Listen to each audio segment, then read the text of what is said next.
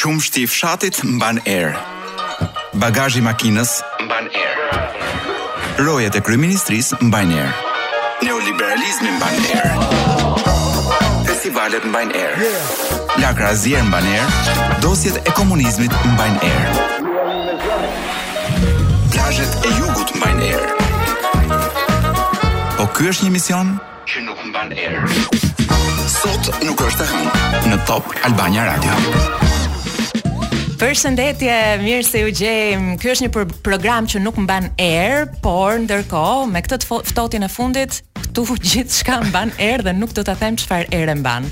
Më duhet të sqaroj Blerina që ah, kohët e fundit kam rënë në kontakt me erën. jo me erën, po me me një aromë të veçantë, specifike është aroma e parfumit, e parfumit, e parfimit, e parfumit të infermiereve. Aha.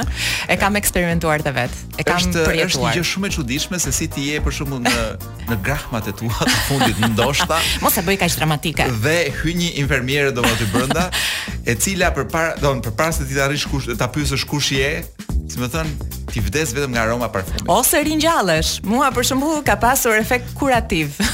Tashi në qoftë se hyn me parfum dhe lakuriq, unë mendoj që mund na ringjalli në kuptimin që mund të kemi dëshirën t'ia fusim prapë. Jo kur je me gruan aty brenda kolo. po njëri nga ne do vrapojë gjithsesi. Po kjo ideja që njerëzit përdorin parfume nganjëherë shumë të rënda në vende ku parfumet ndoshta mund të ishin shumë shqetësuese. Si për shembull, ne jemi në një studio të madhe, po imagjino të ishim në një studio, te studio e vjetër e vogël e radios, uh -huh. që ishte ku di unë 1 me 1 gjysmë, që ishte shumë intime, pak dhe shumë e bukur. Po. Ku mbaj mend kemi bërë ë disa emisione edhe në prani të Salsanos dhe të të një zonjush, të një zonje që quhet Paloma ose po. quhej Paloma, nuk e di si quhet tani. Vazhdon të quhet. Vazhdon të quhet. Po, është mes nesh. Ë, vazhdon të jetë me të njëjtin emër mes nesh. Ë, kemi bërë pra te kjo studio e vogël e radios dhe ishim praktikisht këmba e sa e majtë e Salsanos ishte mes shalëve të mia, sepse aq të ngushtë ishim. Imagjino që njeriu të vijë dhe i parfumosur, po me ato parfumet e rënda që vrasin, që që, që shkaktojnë krime. Gjithsesi deri këtu gjithçka është e tolerueshme, por në një dhomë spitali, infermiere të dashura, ju lutemi, ju lutemi, tani nuk po themi që duhet të mbani aromë Apo mos vallë faji është i neve pacientëve po. për shembull që nuk nuk durojmë dot. A ka mundësi edhe kjo mund të jetë? Që duron dot lëkurën tënde, do durosh uh, Se nuk dua nuk dua të merrem me cilësinë e parfumit, sepse në përgjithësi cilësia e parfumit të një njeriu, në këtë rast infermieres X. Pa. Po. ë uh, pak a shumë flet për të dashurin. që ia ka pra, dhuruar. jo, ndoshta ai edhe mund ta ketë paguar, por kjo tregon se Si është ai mashkulli që kjo do t'i bëjë përshtypje gjë, sepse ai parfumi është joshës më shumë se gjërat e tjera. Dmth ti mund të dalësh lakuriq, po me parfumin e gabuar nuk të hedh njeri sytë. Pra është edhe një libër i tërë për këtë punë parfumi, ëh. Dhe edhe një film atje. Pra ti nga parfumi kupton dhe i qan dhe hallin, mirë që po je duke vdekur nga parfumi i saj, po i qan dhe hallin që thua kush, ç'burrë paska kjo, që mund të joshet vetëm me këtë parfum.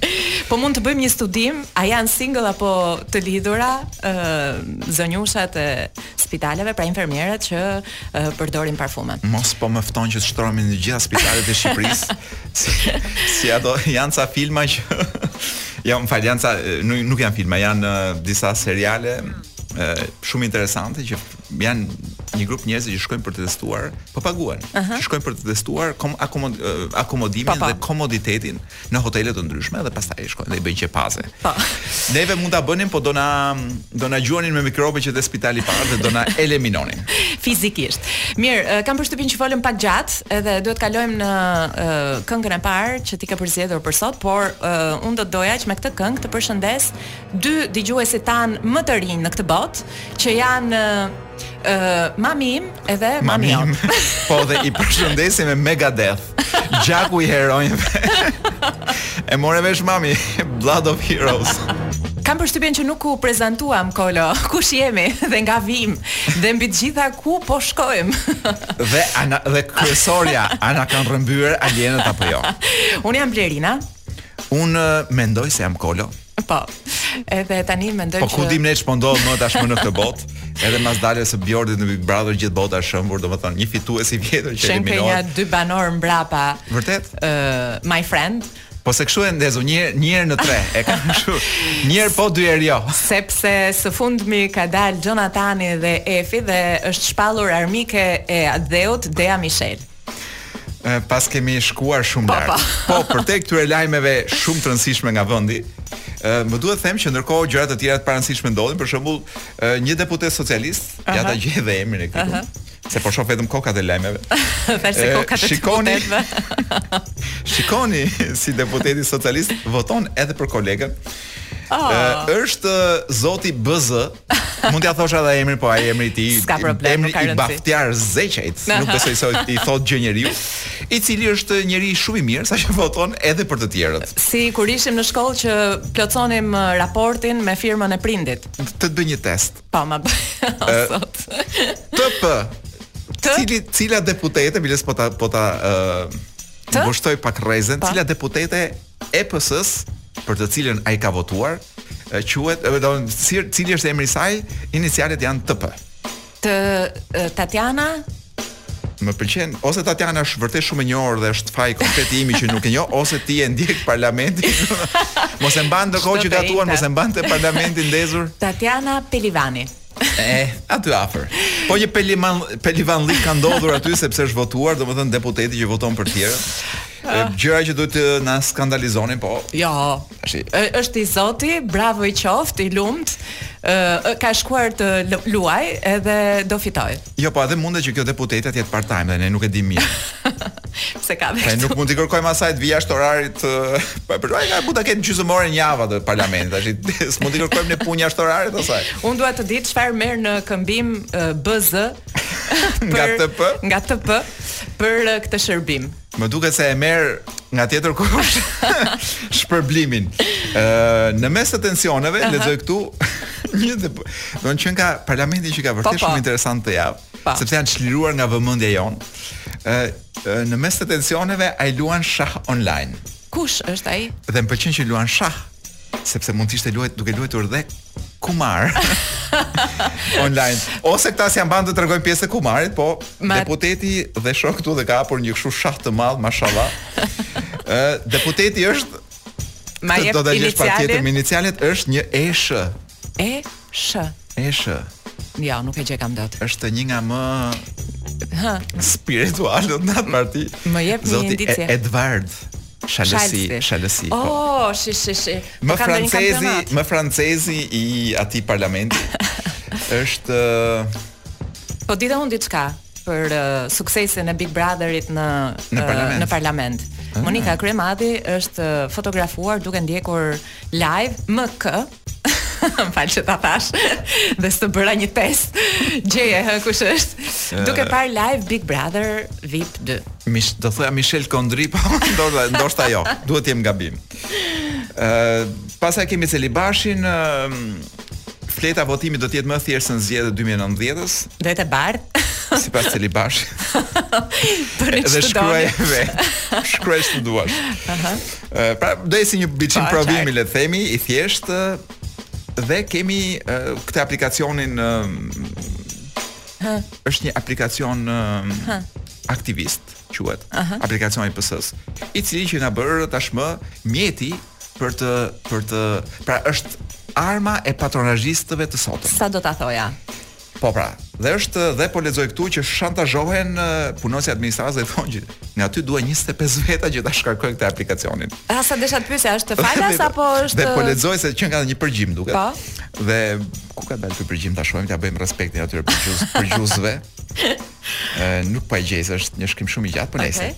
Ë dhe dialogu i përgjuar është ky. Sa veta ke ti 25? Do të jetë zëri i atij që thotë, uh -huh. nuk kam dëgjuar, thjesht po lexoj. Po. Dua 25 shkarkime të aplikacionit. dhe ky i shkreti thotë, po ç'është kjo? Po si mund ta detyroj gjyshen? Gjyshja maksimumi shkarkon tualetin. Dhe përgjigja e këtij është nuk nuk është diskutim kjo. Po tualetin edhe votën e shkarkon gjyshja e shkretë, se shkon i thotë nipçja gjyshes e do vendin tim punë, do, më do mua gjallë në atë vend pune në bashki. Do votosh 25 herë gjyshe. Okej. Okay. Te ky aplikacioni. Ke të tjera thagma? Kam edhe një thagëm të vockël, shqiptarët paskan paguar 43 milion euro dhe kur them shqiptarët, Jo ne të dy. Jo, jo, ne. ne nuk e di ç'jemi. Unë them të quhemi nepalezë. Unë për vete do preferoj të isha nepalez në këtë vend. Mirë, Madagaskaras, besoj, do ishte më mirë. Shqiptarë nuk e di sa do ngelen, po ata që janë shqiptarë të vërtetë dhe që po kalojnë me gomone kanë paguar gjithë bashkë vetëm për 2022-shin llogaritë 43 milion euro. Për çfarë? Gomonistët. Ah, Pra kanë investuar për të ardhmen e djemve tanë. Jo, për turizmin e tyre. Edhe sigurisht edhe për ta, pra, ne i japim 43 milion, po duam t'i marrim 430 milion përdalisht. Mirë, uh, them ta mbyllim. Je sigurt? Nuk e di, po më vjen për të qarë, domethënë. Kam, jo, ke kam edhe një lajm që është është sa për të qarë dhe për të qeshur. Hajde. Dhe po më dhimbset në fakt po vjen për të qeshur. E kanë kanë arrestuar një shofer kamioni në Shkodër. Pse? ka shembur mbikalimin e këmbësorëve. Po çfarë ka ky që ka aq të lartë kamionin i shkreti? Ose që është aq i ulët mbikalimi. Më duhet të them një gjë. Mbikalimi ka qenë pak i ulët, po ky e po. kishte të ngrefur kamionin. Dhe ky kishte nga këta kamionet që kanë, më fal se përdora termin e gabuar, e kishte të erektuar. Ëm Ky kishte një nga ata kamionët si biçim vinçi. Aha. Dhe nuk e di pse kish vendosur të merrte rrugët e botës me atë gjën e ngritur. Shqipëria po ndërtohet Kolo dhe duhet ta kemi gjithmonë lart ë atë vinçi. Noçkën e vinçit. Dhe ky ky po ky po shkarkon për të ndërtuar në fakt, sepse ky vërtet shkatërroi një një mbikalim, por është nisur për të ndërtuar diçka diku tjetër. Dhe kjo është Shqipëri, kjo është Shqipëria e ditëve të sotme. E shkreta, i shkreti mbikalim në urë të Bahçallëkut. Okej. Okay. Po, dhe ja ku jemi e, për të thelluar, po në mënyrë komike në një nga ato ngjarjet e, e mëdha që kanë ndodhur, ku ne kemi investuar tashmë 43 milion gjatë 2022-shit në Angli. E harrova edhe një herë për çfarë? Duke kaluar me gomone. Të gjithë shqiptarët që kanë kaluar me gomone kanë investuar 43 milion euro në atë udhëtim të rrezikshëm. Që do thua ti se si mund t'i kishim shpenzuar ne shqiptarët, shteti shqiptar? Ata janë pasuri kombëtare. Më mirë. Në fund të fundit çfarë është jona? Gjithçka është e këtij shteti. Po, patjetër. Ç'kemi përveç për këtë e kemi. As leskat e trupit s'i kemi tonat. Mos pyet çka bën Shqipëria për ty? Po, por ç'mund të bëjnë 43 milionët tuaj për Shqipërinë? Ashtu da. Atëherë, nëse do të kishim pasur 43 milion euro për t'i shpenzuar në investime, mund të kishte qenë për shembull të ndërtonim një urë nga Dunkirku në Angli për të kaluar kanalin si njerëz. Unë mendoj që ato 43 milion euro mund të ishin përdorur për të ndërtuar një kopje identike të Buckingham Palace, Në Kukës. Ose në Fushë-Krujë ta kemi afër dhe neve, po në Kukës e kanë afër dhe ata nga Prishtina. Ata që s'u duhet të ikin aq larg për t'i parë. Dhe madje unë do propozoja që mos rri kot ai Buckingham, kjo pa. Po. ndërtesa si me thënë bosh, edhe mund ta përdorin për të ë për të ruajtur ku di unë servera për Bitcoin, le të themi. E qartë. Ë një tjetër investim që mund të kishim bërë me 43 milion euro është të kishim blerë 43 ishuj privatë në Fixhi dhe unë madje do ta çoj më tej fantazinë e Florencit edhe do të sugjeroja që secili nga ministrat apo politikanët shqiptarë të zgjidhnin një ishull nga këta 43 edhe të jetonin të lumtur. Por mund të kishim paguar dhe Kim Kardashian për të ardhur 2 orë vetëm ose një orë e gjysmë, se s'e di mirë sa ka orën ajo, e ftuar në Big Brother. Ah. Dhe për të tërhequr gjithë pra që të kemi një pol tjetër urrejtje, sepse Big Brother është kthyer kë urrejm, me sa kuptoj unë. Pra jemi një komb që produksioni, bravo. Bravo. me 43 milion euro mund të vishnim me flori të gjitha banjat e banjot e ministrive. Do thuash ti pse? Po ka lezetin e vet. Po ka qef ta shofësh. Ë? Flori, po të dhjesësh në flori një herë, domethënë, në këto ministri të vuajtura tona. Të dhjesësh në flori. Por ne mund të bënim me ato 43 milion euro një televizion nga e para. Ku pastaj mund të transmetonim ku di unë vetëm gara me qen ose ku di unë çfarëdo gjë, gara me breshka sepse Gara me Formula 1 sepse së shpejti do të kemi edhe pistën shqiptare. Nuk e di, unë di që kryeministri ka qef garat me breshka. do e përdorim televizionin për për të dhënë vetëm gara me breshka. Me 43 milion euro mund të vinim në punë 12 mullinj ere dhe t'ia jepnim me qera shtetit.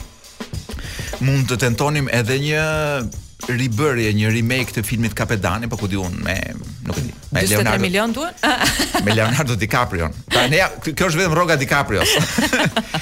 Pastaj për për filmin, ku di unë, me, me 200 mund ta mbyllim. Po që i shkon aty. Po jo Aisa mm. Luisit. Se nuk po them që me 43 del diçka dhe për Tarantino, që ta marrin pa po, po. Dhe së fundmi për mua, me 43 milion euro mund të paguanim rrogën e Mourinhos për 4 vjet që ai të trajnonte kombëtaren shqiptare. mund të kishim blerë për herë të parë si komb një pikturë të Picassos. Po, oh, edhe ta shifnim të gjithë. Po, po sigurisht, te kryetari i bashkisë nuk do ta vërë atje te te liqeni artificial. për t'i rritur vlerën shtëpive që po ndërtohen brenda jashtë nën liqen. Unë do të ftoja të gjithë dëgjuesit tanë që të zhvillojnë fantazinë dhe të mendojnë për të tjera gjëra që mund të kishim bërë ne si shtet me 43 milion euro në vend që t'i çonim aty ku i çuam. Dhe t'ia thonë njëri tjetrit në shtëpi, me zë të ulët. Me zë të ulët se ky është një vend ku idetë e mira vidhen. Vidhen, vidhen. Okej. Okay. Ja kur i mirë i Kështu shkon ajo. Ja ku jemi rikthyer. Ë, uh, se desha thosha një gjë të, të mirë për veten, po ja më, më ngeli në gojë. Ë, uh, jemi rikthyer unë me duar bosh, por Blerina me duar plot. Është momenti që ia dedikojmë. Unë sqetullat bosh në fakt se librin zakonisht e mbaj nën sqetull. Po, është segmenti ku Kolo ë përgjithsisht përzgjedh të lexojë një libër, sot ia kam përzgjedhur unë. Bëhet fjalë për Krokodilin, është një përmbledhje me dy novela ë i Dostojevskit, e ka sjellë në shqip shtëpia botuese Berk dhe e ka um, përkthyer Nazim Said, i cili nuk jeton më, është një përkthim që ka bërë gjatë uh, periudhës që ka qenë uh, i internuar pra në burg uh, në kohën e komunizmit dhe është shumë i bukur për mendimin tim Kolo sepse është Big Brotheri i kohës së Dostojevskit. Po, unë do të ta kaloj ty. Po nëse ky është Big Brotheri i Dostojevskit, ti do të shesësh një 100.000 kopje këtij libri më duket. Do të ta kaloj ty sepse është i përkthyer Hop. Ja u bë transferta e, në, e drogës. Është i përkthyer në uh, dialektin shkodranisht dhe unë uh, tentova ta lexoj vetë, por nuk më shkonte edhe aq shumë.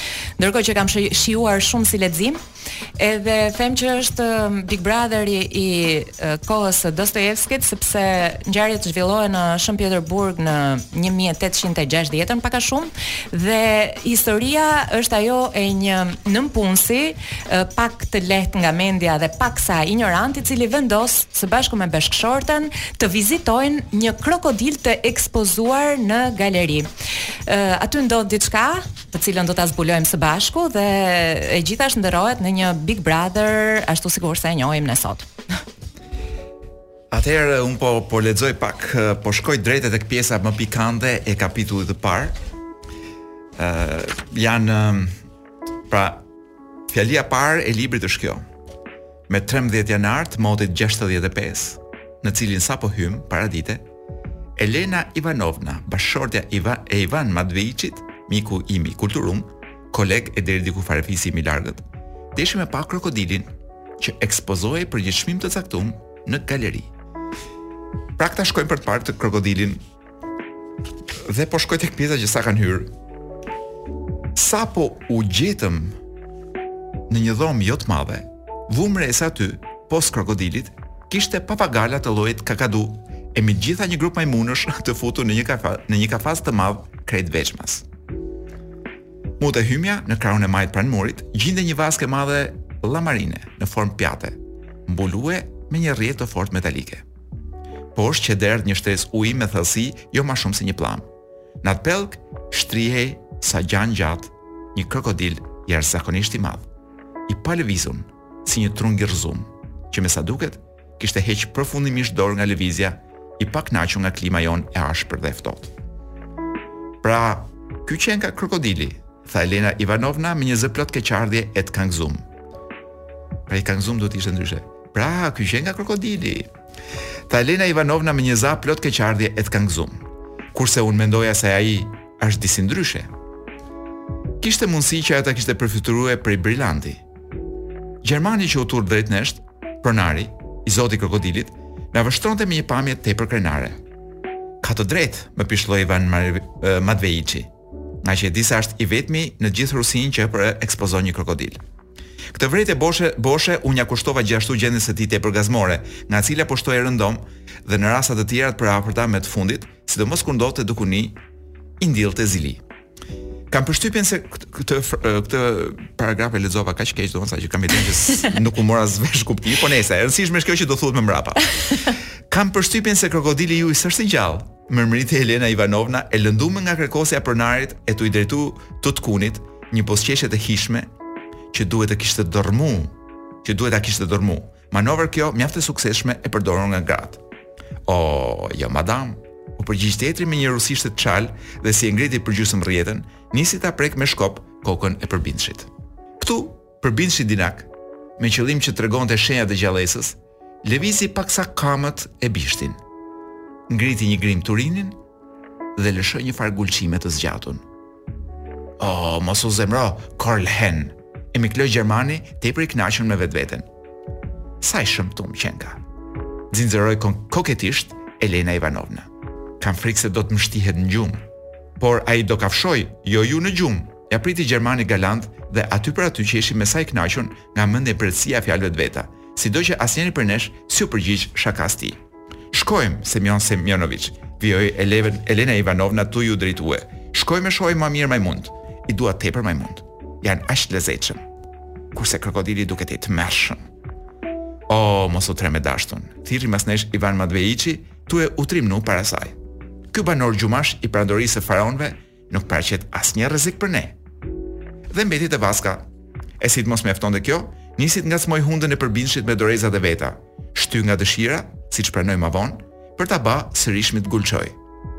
Tek po shkonim drejt kafazit të majmunëve, pronari shoqnoi Elena Ivanovnën në rolin e kavalierit. Shkurt, gjithçka shkonte për bukuri, e as që mund të dyshohej se mund të ndodhte gja. Elena Ivanovna, madje, nisi të argëtohet shumë me majmunët, e duket sikur u harru tu u marrë me lodrat e tyne. Tue mos dashtë t'ia varë të gjermanë, për të shkojmë tani te ngjarja. Direkt aty e ke. Te ngjarja, a ktu jam po. Dhe ja pikërisht n'at çast u dha një klithje e tmerrshme dhe mund të them e panatyrshme. Jehu i së cilës troshiti krejt dhomën. Tu mos kuptue ende gja, unë u ngurosa. Por si shqova piskamën e Elena Ivanovnës, u ktheva shpejt. Dhe çka me pa? Pashë, o perëndi, pashë të ngratin Ivan Matvejeviç mes nofullave të krokodilit, horizontalisht me tokën, kamët që i dridheshin përvajshëm në ajër, Një sekond kështu dhe fët u zhduk. Po e përshkruj me hollësi skenën, se gjatë gjithë kohës unë isha nga fis në vend e pata rast ta ndjek gjithçka ndodhi aty. Për besë, mendova në atë minutë kobshëm. Pata fat që nuk rashë në gjendjen e tij. Shkurt, krokodili rrotulloi Ivan Matveiçin nëpër nofulla në mënyrë të tillë që t'i gëlltiste pikë së pari kamët. Në kohën kur kamët qenë përpi, e miku im përpiqej me u kap e u shtrëngue me duar nëpër kafaz, krokodili me një të kapërdime e përpiu deri te gjoksi dhe me një dytë e zhduku fare nga sytë tanë. Kësisoj, Ivan Matveiçi u zhduk fare. Si u, si u gëlltit përfundimisht, miku im i ngushtë i ditun. u bë pronë e krokodilit. E të tjera e të tjera. Nuk Ky është ba... libri, nuk e di a gjeni në librari, është Po patjetër. Është një libër i jashtëzakonshëm i përkthyer shumë mirë nga Nazim Saiti, Shtëpia botuese Berk. Berk është botim i para dy vitesh e gjeni në librari 900 lekë, mos i harxhoni për koktejl një natë dhe shkoni blin këtë librin. Dhe ja ku jemi rikthyer mbas lajmeve të orës 7. Jemi shumë të sigurt. Jemi shumë sigurt, edhe pse ky emision është me regjistrim, pra, por ne e kemi një do ta kemi zhvilluar fantazinë dhe parashikimin, një vend ku asgjë nuk parashikohet në mënyrë të përsosur. Pra ne e dimë që kemi hyrë edhe kë- kjo gjë që po themi, tani ju do e dëgjoni pas lajmeve të orës Dhe 7. kush jemi ne? Unë jam Blerina dhe përballë kam Kolon, kështu që mm, Kolo, tash unë të Dhe ky tregoj është- ha. të tregoj cili mund të ishte emri im i, i preferuar. Mos më thuaj që dhe ti ke dyshime se si duhet të ta kishim vënë emrin. Jo, dyshime nuk kam, por do, do kisha preferenca. Do kisha preferenca. Për shembull, si të duket emri Engelbert Humperdinck. më ngjan si një markë elektroshtëpiakesh. Vërtet? Ëh. Uh -huh. Mua më duk më shumë kështu si një produkt sallami ose po edhe birrë mund t'rrinte. Ë më, më ka ndodhur Bleri dhe kjo është një ndryshe nga një gjithë njerëzit e tjerë që kur tregojnë histori zakonisht përpiqen thonë një shoku im. Po. ose pyes për një shok. Jo, ma jo, ne kemi kurajo. Un kam kurajo dhe këtë histori nga jeta ime do ta tregoj vet. Do do ta tregoj në vetë të parë. Ëm um, ngaqë shkoj nëpër këto uh, tregjet e pleshtave, mm -hmm. zakonisht kur jam jashtë, sepse po. jam shumë kurioz të di për dhe gjëra që njerëzit nuk i duan më, mm -hmm. dhe duan t'i heqin qafe. Që i kanë përdorur pra dhe tani kanë Sigurisht. Po. Ë uh, ne nuk kemi një të mirëfilltë, Gabi nuk është një i tillë. Po. po bota ka plot edhe ti gjen mrekullira. Mm -hmm. Dhe herë mas herë ndaloj tek pjesa e këtyre disqeve të gramafonit, e gërmoj aty. Ç'ke gjetur? Rri dhe rri dhe gërmoj. Ah, çfarë po bie një zile. Po na dëgjojnë live. Patjetër. Ë, uh, po tash ne njerëz jemi lëmë edhe celularët hapur. Do të thotë ky si celular me këtë zilja Skype-it, po as e Skype-it jo. Nejse, ë, uh, po thoja që jam nëpër një më, më imagjino mua në një treg pleshtash. Po. duke gërmuar në, në Berlin. Për, duke gërmuar nëpër disqe gjëra dhe shoh gjithmonë një emër. Po e shoh gjithmonë. Dhe është emri Engelbert Humperdinck. Dhe çfarë është? Është këngëtar. Është, është ah, këngëtar. Po. Okay. Po. Dhe kurrë s'kam pasur kuriozitetin minimal për të dëgjuar një këngë të tij vetëm nga emri, se më duket sikur është një 600 vjeç. Unë them që ti mund të shfrytëzosh postin sapo edhe Sapo hapa, po pra këtë mendova. sapo hapa, jo, unë thashë të të bëjmë një hap në errësirë Blerina. Okej. Okay.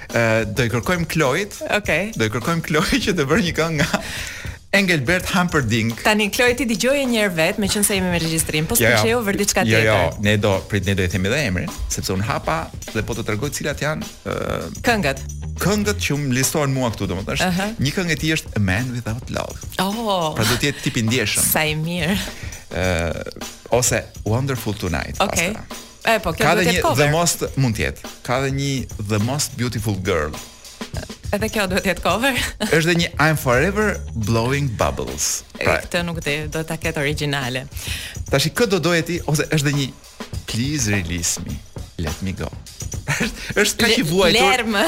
Lërmë. Lërmë. Lërmë.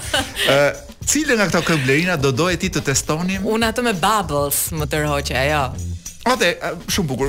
Para se t'jua lëshojmë, unë po ju them që ky burri, se sapo hapa dhe Wikipedian, shpejt e shpejt, ka lindur në 2 maj të 1936-ës. Është akoma mes nesh? Ua, është si kokrra e mollës, 200 vjeç sa i bie të jetë. Aha. Jo, më jo, paska vdekur. Ua, e ka marrë Covidi, më raftë pika. Ka vdekur në 2021. Është një është Ishte një histori shumë e bukur, por është e zbuluar sapo pashë një foto kur ka qenë i ri, sa i bukur paska qenë. Ç'të të them? Mm -hmm. O Covid i poshtër. Ëh, uh -huh. pra do, thamë uh, nga Engelbert Humperdinck, uh -huh. do dëgjojmë këngën, si ishte ajo? I am forever blowing bubbles. Fryj topa, gjithë jetën. Ose poça. fluska, fluska, poça, poça.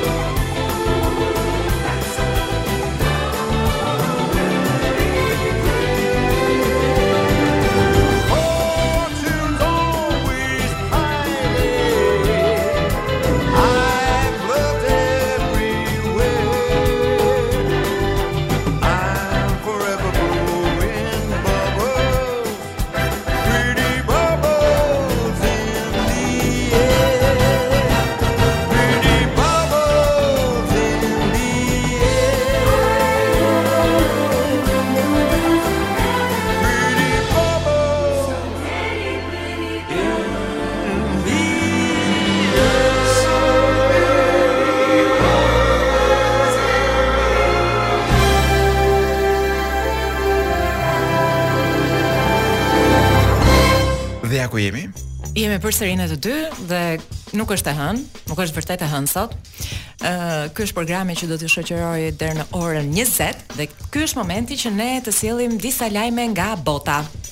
Nga dynjaja, ç'bëhet andej? Kolo, ti e, nuk do të pyes sa vjeç je, se nuk është etike. Nuk nuk është etike. Jo, nuk është. Më vjen shumë keq, po në qoftë se nuk më pyet, më vjen shumë keq. Atëherë sa vjeç je? Të them atë të vërtetën apo? Atë të vërtetën, jo sa e ndjen. Jam uh, mendoj që jam 47. Okej. Do të doje ti për 2 milion euro në vit të kthehesh Po, po, përgjigja është po, vazhdojmë. Të kthehesh 18 vjeç? A duhet t'i paguaj? Po 2 milionë, jo, ata do më jepin, jo, mendoj, se jo, jo, jo. Se jo, e formove fjalinë sikur po bëj një bamirësi e ka shumë edhe, jo, jo. mendoja që bamirësia po, ishte në para jo në moshë. Të kishe pasur ti për të shpenzuar 2 milionë euro në vit, do doje të ktheheshe 18 vjeç? Me 2 milionë euro në vit, unë mendoj që mund të zgjidhja këto do ia përshoqëri nga gjithë tetëmbëdhjetë vjeçarët dhe tetëmbëdhjetë vjeçaret e Shqipërisë. Pra mund të merrje bëje një grup tetëmbëdhjetë vjeçarësh me të cilin të kaloje një vit të tërë me pushime. Kështu do t'i kishe shpenzuar ti, ndërkohë zoti Bryan Johnson, dyzet e pesë vjeç, pak më i ri se ty ai, ka vendosur të shpenzojë dy milionë dollarë në vit Euro thashë unë dollarë paskan qenë. Për t'u kthyer Na e fute te kursi. Tetë. për t'u kthyer 18 vjeç. Dhe ky program i personalizuar i tij, ë parashikon një ritëm, le të themi, shumë të hekurt që nga e, regjimi ushqimor deri tek e, palestra apo stërvitja që duhet të bëjë që organet e tij, fytyra, lëkura e gjithçka që ai posedon të kthehet në moshën 18 pra, vjeçare. Ky përveçse paguan 2 milionë dollarë, po, po duhet lodhet. Për të bërë këto gjëra, do duhet duhet lodhet duke bërë palestër, pra nuk nuk ka një, nuk është se e fusin në një kafaz dhe kur e nxjerrin e nxjerrin 18. Jo, jo, jo. Ti ka qirët. Ka... Drejtori, nuk e di, është Ha.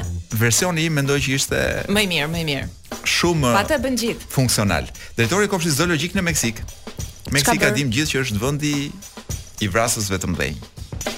Pra vrasjet edhe nuk e di, në ato renditjet botërore të vrasjes së gazetarëve, Meksika është gjithmonë nga fillimi, mos me thënë e para fare. Mm -hmm. Pa folur për krimin e tjera tjera, domethënë është sporti i tyre kombëtar, mm -hmm. vrasja. Drejtori i Kopshtit Zoologjik Meksik, Emrin e kopshtit dhe qytetin s'po ta them. Jo, po s'ka problem, as të drejtorit mos ma thuaj. Akuzohet se ka vrarë. Gjeje se çfarë ka vrarë. Ka vrarë 4 dhi të egra. po pse? Për t'i ngrënë për Krishtlindje. Oh. Do të mbushte barkun, po e donte me dhi ekzotike. Se mbase bëra një reagim të papërshtatshëm. I hëngri si përfundim apo s'i hëngri? E, o, i hëngri se. po e pushuan nga puna. E, nuk e di a e kanë pushuar nga puna, unë mendoj që ky zotëria është prit ta them këtu. Ah, ë ky është prapë se prapë një nga njerëzit më të mirë, pra që trajton më mirë kafshët sepse Meksika është vendi ku çdo kriminel uh -huh. dhe trafikant droge preferon të ketë kopshtin e vet zoologjik privat. Pra ka më shumë luanë në Meksikë dhe tash zebra se ç'ka në Afrikë.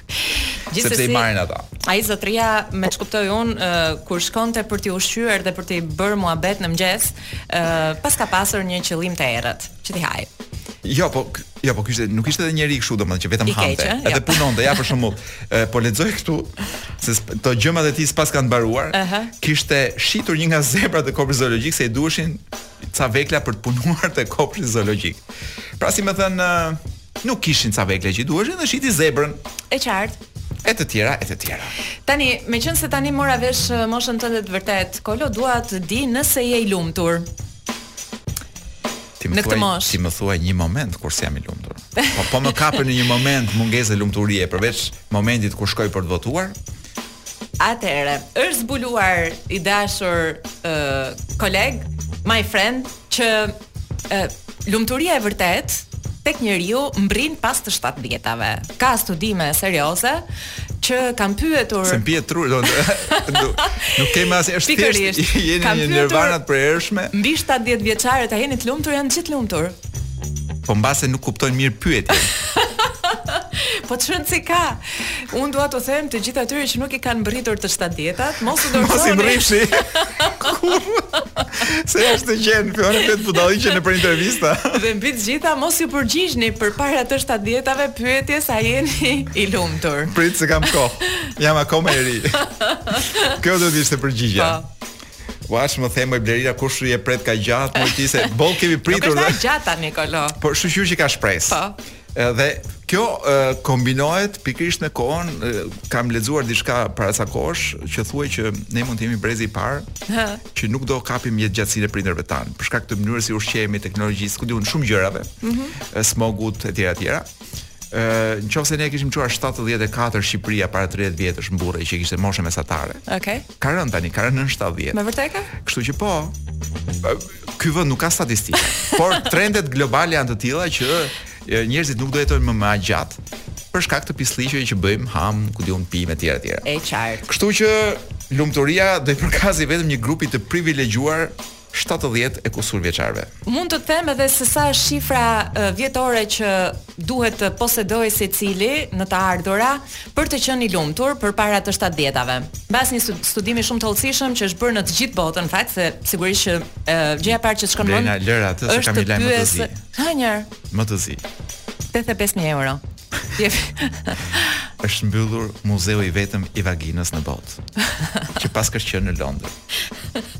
Dhe befas më kapi një pikëllim dhe dhe edhe po t'i arrij 70-tat këtë lajm nuk do arrij ta fshij dot nga memoria. Dëgjo po për frekuentim të ulët apo për mungesë produktesh? Ë, uh, unë mendoj u mbyll thotë këtu për sepse mungesë interesi. Jo sepse që do të thotë nuk ai që kishte lëshuar ambientet me qera, nuk vendosi të mos e rinovonte qeranë. Kështu që ata me gjithë muze, pronari i muzeut e ka gjithë muzeun në shtëpi. Dhe unë mendoj që nuk është shumë e shëndetshme të jetosh me gjithë objektet e një muzeu që quhet Muzeu i Vaginës, të jetosh në shtëpi. Nuk di çfarë të them. As unë s'di çfarë të them. Unë them i fusim një këngë. Unë them uh, mirë, ne kemi edhe gjëra të tjera të rënda, po. Nuk prish punë. Ë uh, Nuk ka. Ke, kemi gjëra të rënda plot, po boll, boll i kemi thënë kësaj bote me kopshte zoologjike, me bakira, me gjëra. Ë uh, pastaj do kthehemi për të trajtuar një problem shumë të madh. Një problem, një ngjarje shumë të rëndë. Pse është e bukur? Varet nga e vë po, lentën. Hapja e, e pistës së Formula 1 në Shqipëri. Mua më ngjan fantastike. Mua më ngjan për të prerë damarët. Dhe ja ku jemi. Jemi rikthyer. Me një bombë në dorë. A bomba ka plasur po? E... Po s'e ka marrë vesh njeri, po ne e kemi akoma këtu në dorë. Unë në dorë, e kam në kompjuter. Bëhet fjalë për uh, pistën e Formula 1-shit në Elbasan. Nuk di çfarë të them sepse më ngjan shumë e bukur, sidomos pasi lexova se e, autoktonët në atë zonë kishin kohë që kërkonin një një gjë të vogël, një një bypass të vogël. Po, pra, donin të, thjesht të kalonin. Mirë, mirë që ke lindur në Elbasan. në kuptimin e e, e mirë të fjalës. e mirë të fjalës. Jo, kuptimin edhe të, të rëndë të fjalës që ke lindur në një vend që është me smog të përjetshëm. Po dhe me helme të përjetshme në ajër. por je i detyruar edhe pra të heqin dhe mundësinë për të pra të vrasin dhe makinat. Pra mirë që të vret smogu, po nuk krijojnë as një bypass për të kaluar rrugën. Dhe ë uh, kërkesës së tyre për një bypass që të kalojnë gjallë nga njëra anë e rrugës në tjetrën, qeveria iu përgjigj me një plan edhe më madhështor. Që ishte? Pista e Formula 1. A, ah, është, thashë se kishte, wow, po mendoja nga këto kryeveprat e, por, shumë, shumë e vërtetë, pra, mirë që nuk u bëjnë baj, bajpasin, por me shumë siguri mund t'i shtypin dhe makinat e Formula 1-shit se ti nuk mund ta ndalosh një elbasanlli që çan ferrën dhe të kalojë mes për mes pistës. Unë e lexoj si bujari të madhe, domethënë, ç'është një, një bypass i vogël, kur unë të jap një pistë Formula 1 që 5 km e ca. Përveçse gojëve të liga të cilat i, i zëntë mu në grykë. Ajo gjë që s'ia themi emrin, se po ia the. Troket në derë. Ë uh, gojët e liga thonë që kjo është ky është një nga sistemet më perfekte për të larë paratë. Dhe kohët e fundit për shembull gjithë po të shohësh këto pistat e Formula 1-shit po hapen në vende që janë ku di unë, o parajsa fiskale, o ku di unë, o Arabira Saudite, ku di unë shumë gjëra të në, në vende të tilla. por po lexoja një shkrim, një artikull në Bold News që thotë as Gjermania nuk ka thot një pistë të posaçme. Por ama do Shqipëria. Dhe kur themi Shqipëria nënkuptojmë Leninin. Ai the se Elbasanin. Jo, Leninin kisha fjalën për këtë liderin suprem ah, që kemi. i cili befas ka vendosur ç'a më mungon mua, pse jam si mërzitur, zgjohet mëngjes ai atje në Surrel, thotë, seç si jam si mërzitur sot. Ç'a dua? Me zuri dhe gripi. Po. E kalova edhe këtë flam. Ai ai gripi e këputi. Domethënë, ai ai ishte një grip domethënë në gjithë në gjithë Shqipërinë nuk u ankua gjyshja ime nga gripi. Ë ankohet kryeministri publikisht, më falni pesë ditë jam zhdukur. Po, kisha një ashtu, domethënë. Pa kisha çik bajamet. Teshtima. Po, dhe nuk desha t'ju shqetësoj. Po nëse është kjo puna e formulës 1, një nga gjërat që mua më habit është që nuk askush nuk e thot sa kushton. Pra një vend që nëse ky është një biznes për të mirën e Shqipërisë, pra nëse është diçka një projekt për të mirën e Shqipërisë, është mirë thuat kushton kaq. Sa lekë bën ore na thoni? Po do harxojmë kaq. Po e bën ky. 43 milionë harxuam. Po e bën ai, do fitojmë kaq Dhe mbi gjitha është mirë që ata njerëzit aty asaj zone të fitonin diçka nga ky biznes. Dhe biznesi mos jetë që vinë ca njerëz të huaj, paguajnë ca bileta që i merr se kush i merr, futen shohin garat, shkojnë tek ai resorti aty afër për të fjetur ja dy net. More kolo. Që e bën ai që e bën? Mos mos është kështu si ato projekte 3D ky, si ai inceneratori i Fierit, a ku Po jo inceneratori, po satelitët e ke marrë vesh për satelitët. Edhe satelitët 3D i kishim. Satelitët i kemi akoma 3D sepse satelitët mbasi tha kryeministri që ne do bëjmë Po ne i lëshuam në hapësirë, bro. Ne do kapim alienët, tha kryeministri. Hodhëm fishek zjarre, ore. Hmm? Hodhëm fishek zjarre kur u nisën ata në hapësirë. Ore, i hodhëm, po sa po ne në fakt nuk kemi satelit. Jo. Në fakt, po po kemi Ato ishin dronët, më fal, ato ishin dronët. Tash ne ky tha do hedhim me satelit. Ne satelit nuk kemi. Ah, okay. Edhe pse i gjori NP. Kush është NP? Ministri Niko Pelesh. I gjori NP, hapi edhe një tender, kush hajt më na sillni një satelit, më se e do ky në Surrel, bo. Se zgjohet ashtu një mëngjes, si s'kam satelit, unë thotë. Sepse kemi një, dhe këtu po flas shumë seriozisht Blerina, ne kemi një problem shumë të madh në vend. Që kushdo që vjen si menaxher nuk e sheh veten si menaxher i përkohshëm, është pronari. Pra kur ti fiton zgjedhje, Shqipëria është prona jote. Ç'të bëj, ç'të bëj? Edhe po, dhe ti mendon që ti mund të bësh çfarë të dush. Pra është lodra jote.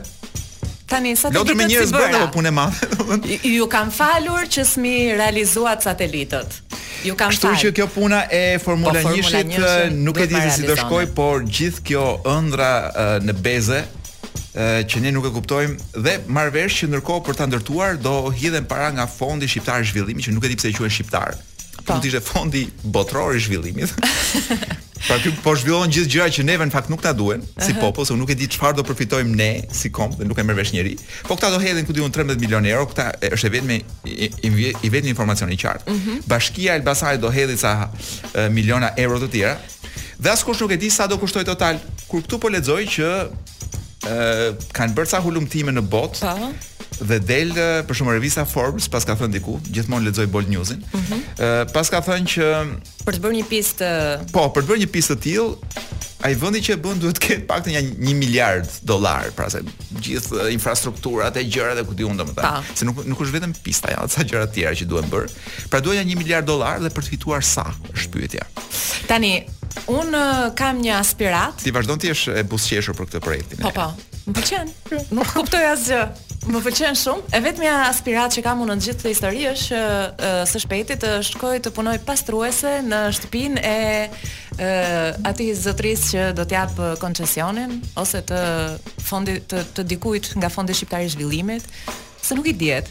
Është puna më me nder. Çdo punë thon puna është nder, po më nder se puna pastruese e shpive të këtyre hajdut, domthënë shpive të këtyre njerëzve të të fisëm të e, të Shqipërisë nuk ka. Kështu që le të shojmë anën e mirë, pozitive. Ja ku jemi. Ja ku jemi, ball për ball, edhe mund të inskenonim atë që dikur shërbente si ë le të themi procesi i gjyqit të ndarjes së një çifti. po le të themi po. Ajo që ne e quajmë shkurt divorci, po që është nuk është kaq e thjeshtë, pra nuk është thjesht një divorc, por është një proces i dhimbshëm ku të duket sikur ti po pret pjesë të trupit. Në fakt, varet sa ke ndënjur me atë njeriun, po divorci është gjithmonë kështu një gjë, një proces i dhimbshëm. Dhe nganjëherë han më shumë se dy veta. I dhimbshëm tani, po dikur, të paktën në mesjetë, ka qenë i dhimbshëm vërtet. Ë, Kolo, do ta tregojmë pak si zihej burri me gruan këtu e ca shekuj më po, pra, po, parë. Po, që, që konflikte ka, po puna si, puna si ndahen si konfliktet, si zgjidhen. Dhe mënyra më e mirë është kjo mënyra, mënyra mesjetare. ë që është divorci, shkurorëzimi me anë të luftës. Domthonë me anë të si quhet, me anë të me mjete luftarake. fizike. Po, me përplasje fizike. që është mënyra mesjetare, por më efikase mendoj unë për tu ë për tu ndarë. Mm -hmm. Dhe po lexoj te ky informacioni, ë madje ka dhe foto përkatëse të epokës që tregojnë ilustrime që tregojnë se ç'ndodhte. ë Praktikisht burri duhet të qëndronte në një vrim që ngjan pak a shumë si një puset, imagjinojeni kështu, një puset e hapur, me njërin prej krahëve të tij të lidhur, sepse imagjinoj për shkak të të forcës fizike po fizike më të madhe që kishte një lloj superioriteti. Po, atëherë ja ja lidhim një krah dhe i japim në dorë ndonjë shigjet apo nuk e di çfarë quhet kjo. Një hesht. Hesht, usht. Ndërsa gruaja, e cila duhet balanconte forcën e burrit, ishte e pajisur me me e, disa thas të mbushur me gur. Ë? Pra dhe kjo është beteja, pra ja ti ti je njeriu i ushtës, ti je ti je zonja e gurëve, Rrihuni. Dhe dhe zgjidhja ishte perfekte. Domethënë ti ndaheshe po përgjithmonë. Po po. Pra jepi. Në këtë jetë, domethënë. Dhe më duket mënyra më e mirë për të shkurajuar shkurorëzimet. Domethënë ata nuk ndaheshin thjesht nga partneri, por ndaheshin nga kjo botë. Ashtu duhet të përfundojë, domethënë ashtu. Për të qenë sinqert, sistemi funksiononte edhe pak a shumë si këtu. Përpara se të ndaheshin, ata u kërkonin një muaj, pra një ose dy muaj përpara se të shkonin deri tek beteja mm -hmm. luftarake, u kërkonin që të zgjidhnin pra me mirëkuptim, të bënin atë seancën e pajtimit etj etj. Dhe në qoftë se ata nuk arrinin të gjenin dot një kompromis dhe nuk arrinin dot të bënin paqe me njëri-tjetrin, atëherë qeveria i thoshte, a nuk doni paqe me njëritetin? Po bjeruni. Po atëherë luftë do të ketë thotë. Edhe pastaj ai që edhe po të ngelej sakat njëri, Jo, jo, duhet të vritej njëri. Po edhe po. Po mirë se varet sa takat ke, o Blerina, se se ja i ra i ra nuk vdes ai tash. Nuk e di po unë jam për uh, dhe kishin për të çuar gjëra deri në fund. Në momentin që konsideroj që ai është i mundur, pra e humbi divorcin, e humbi çështjen. Ëh. E e e fundosin në dhe të gjallë.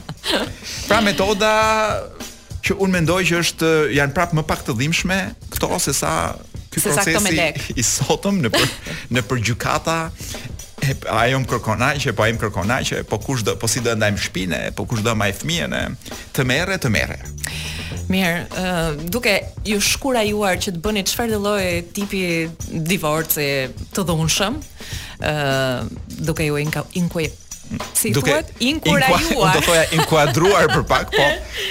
Nuk prish punë. Ke një muzikë të për, të posaçme, të përshtatshme. Ua, po kemi një kemi një tashi meqenëse kjo ishte metod mesjetare gjermane, ta, është një grup gjerman që është grupi im i preferuar. Ëh. Uh -huh. Edhe i sime shoqe. AnnenMayKantereit. Kënga shumë e gazmuar kështu. E, e gazmuar. Di që ata që dëgjojnë muzikë rock and roll uh, kanë më shumë flokë. Eh? Flas për burrat, po. Është po, bërë një studim, po. Po është po ka lidhje ajo gjë se çfarë do tundim ne pastaj. Kështu që dhe është parë që reperët i ke nja dac. Eksakt. është është një rock i mirë gjerman. AnnenMayKantereit me Pocahontas. Jemi rikthyer për herë të fundit për sot, nuk e di si të tingëllon, ngjan pak dramatike. Po tashi po s'bëjmë çik dramë në radio. Ky është programi Sot nuk është e hënë, edhe është momenti tani të flasim për trendin më të fundit. Kolo, ë unë kam sjellë një trend në fakt që ë Do të ishte le të themi versioni i mirë i Tinderit, versioni i ndershëm i Tinderit. Për gjithë ata që nuk e dinë, Tindi është vendi i nuk është Tindi, është Tinderi. Tindli. A, nuk është, nuk i thuhet Tindl. Nga nga që nuk e kemi, nuk nga që nuk e dimë se çfarë është po s'i përdor. Po një shoqja ime e di edhe më thotë gjithmonë në Tinder, në Tinder. Tinderi është uh, aplikacioni ku ti takohesh thjesht për të bërë seks, pra ke mundësi të njohësh njerëz. Pastaj Askush s'të pengon të bësh edhe dy herësh seks, po. Ka pas Ka pasur edhe martesa që kanë rrjedhur nga takimet në Tinder, janë shumë të rralla, megjithatë Tinder është i famshëm, ngjan pak a shumë sikur ti të shkosh në supermarket, kolo? Edhe supozojmë merr një pako patatina, e kthen e rrotullon, nuk e nuk të pëlqen, e rivendos. Kurse Tame që mund të jetë tjetri, kjo gjë e re, ky është ky trendi i ri që do na tregosh. te Tame ose Tejm është versioni i ndershëm i Tinderit. Pra, ti e, nuk mund të frekuentosh ose të bësh swipe apo si quhet e, ghosting pra të zhdu, t'i zhdukesh dikujt pa, pje- papritur ose të bësh swipe dhe të flasësh të komunikosh me më shumë se një Tinderist, Ua, ua, ua, një domethënë tameist të lejon të në njëjtën njohësh, kohë, po nuk të lejon vetëm t'ja- një. t'ja dredhësh. Nuk ia dredh dot. Ua, Duhet të jesh dhe në aplikacion. Pa. Është tamam gjëja që më është dashur mua për para nja 40 vjetësh. Kështu që unë do të ftoja të gjithë ata, nuk e di nëse në Shqipëri është, hapur se s'e provova një herë kot. Unë them që ta eksperimentojmë. Javën që tjetër hyjmë bashkë të eksperimentojmë Tinderin, po. Dhe, dhe edhe live në radio, madje do ta hapim dhe të shohim ç'bëhet në këtë në në këtë aplikacion ku kam dëgjuar që ndodhin gjëra të mrekullueshme. Po po. Po, nga njëra palë, kurse pala tjetër thotë është një vend horrori. Nuk di kujt t'i besoj. Gjithmonë në histori s'ë qëndron. Më pëlqen që ka njerëz që edhe në internet dhe në aplikacione përpiqen të ruajnë nderin. Po. E neve që s'e ruajmë dot vetë. Duhet të përshtatemi pak realitetit tani edhe me sa duket përtej asaj që mund gojëve të liga që mund të na përflasin si një shoqëri të shthurur, e vërteta është që në thelb jemi tradicionalistë, siç do kishte thënë maestro. E maestro, aman vetëm meqenëse jemi në mbyllje, kam vetëm një lutje për ty. Më thuaj. Vetëm atë maestron mos e hiqni. jo, jo, se kemi qejf të gjithë. Sepse është, po themi, është si keçapi mbi patatina ose mbi suflaqe. Okej. Okay. E dashur Blerina, i japim një një bëldam. Një puthje të madhe të gjithë atyre që na kanë ndjekur. Durim i ftohti do të mbajë edhe një javë të plotë, do të jetë shumë ftohtë, po shumë ftohtë. Po mos e humbni kurajon. Sigurisht. Dhe a mund të bëj një sqarim të vogël se kur thashë bëldam e kisha fjalën pikërisht për zhurmën që bën puthja. Pra, i japim publikut një bëldam të madh. Edhe t'i lëmë një takim për mbas një jave në të njëjtën radio, në të njëjtën orë, në të njëjtin program sot nuk është e hënë. Me Blerina Shehun dhe Koloreto Cukalin. Puç, puç. Puç.